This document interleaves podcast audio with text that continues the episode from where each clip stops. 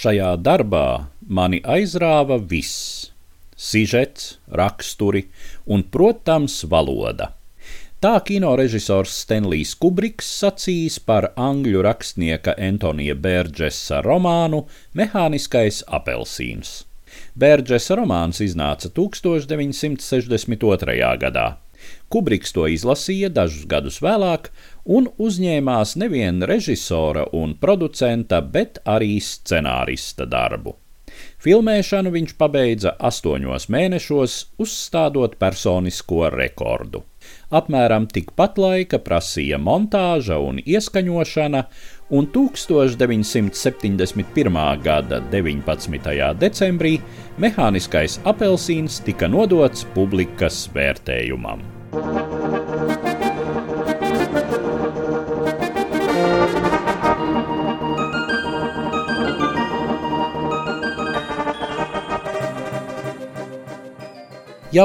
Aleks, kuru filmā tēlo Malkolms Makdauels, dzīvo nākotnes Londonā, kur sabiedrība, salīdzinot ar 1970. gadu, progresējusi tehnoloģiski, bet regresējusi sociāli un likumiski.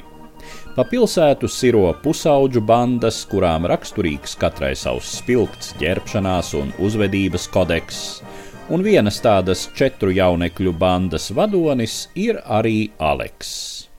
Viņa aizraušanās ir seks, vardarbība un Beethovena mūzika. Jaunie ļaudis sarunājas nadsatā, īpatnējā žargonā, kurā Londonas koknejām pieaugta krietna deva nepārprotami slāviskas izcelsmes vārdu - drūgi, devočkas, līcas, nogas un tā tālāk.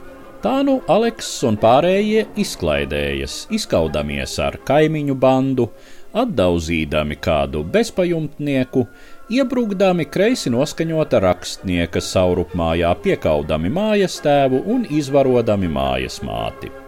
Fonā komponista Voltera Karlosa kompilēti un daļēji pārstrādāti skan Persels, Elgārs, Rossini un, protams, Beethovens.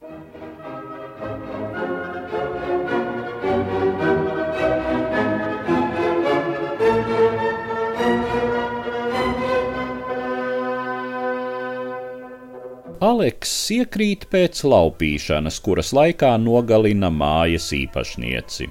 Seko tiesa un cietums uz gariem gadiem, taču jau pēc pāris gadu atsēdēšanas pie Aleksa ierodas iekšlietu ministrs un piedāvā eksperimentālu psihoterapijas kursu, kura rezultātā pacientam rodas nepārvarams riebums pret visu, uz ko līdz tam bijusi noziedzīga tieksme.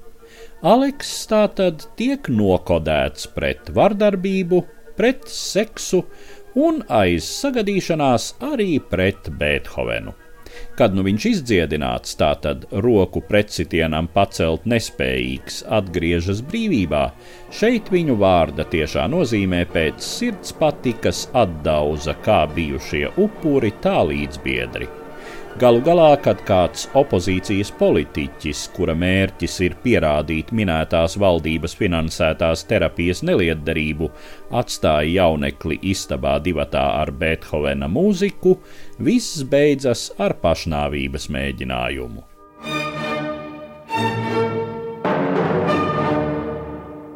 Tomēr arī tās vēl nav beigas.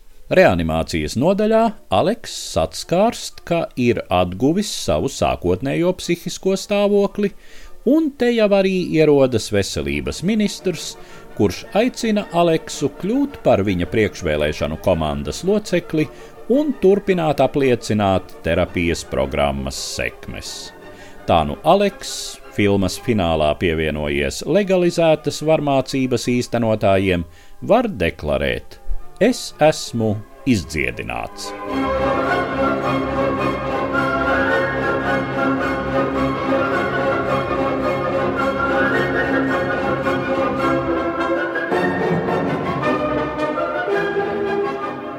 Kā par Stenlija Kubrika filmu Mehāniskais apelsīns rakstīja izdevuma Zikatolik News kritiķis Džons Fitzgeralds, filma šķiet sakām, kā atņemot cilvēkam izvēli, mēs viņu nevis atpestījam no ļauna, bet vienīgi no tā nožogojam.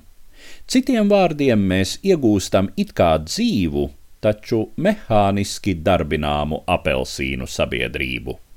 Tāda smadzeņu skalošana, kā fizioloģiska, tā psiholoģiska, ir ierocis, kuru totalitāristi valstī, baznīcā un sabiedrībā varētu kārot vieglākai labā uzturēšanai, kaut arī par indivīda tiesību un cieņas cenu, stāstīja Eduards Liniņš.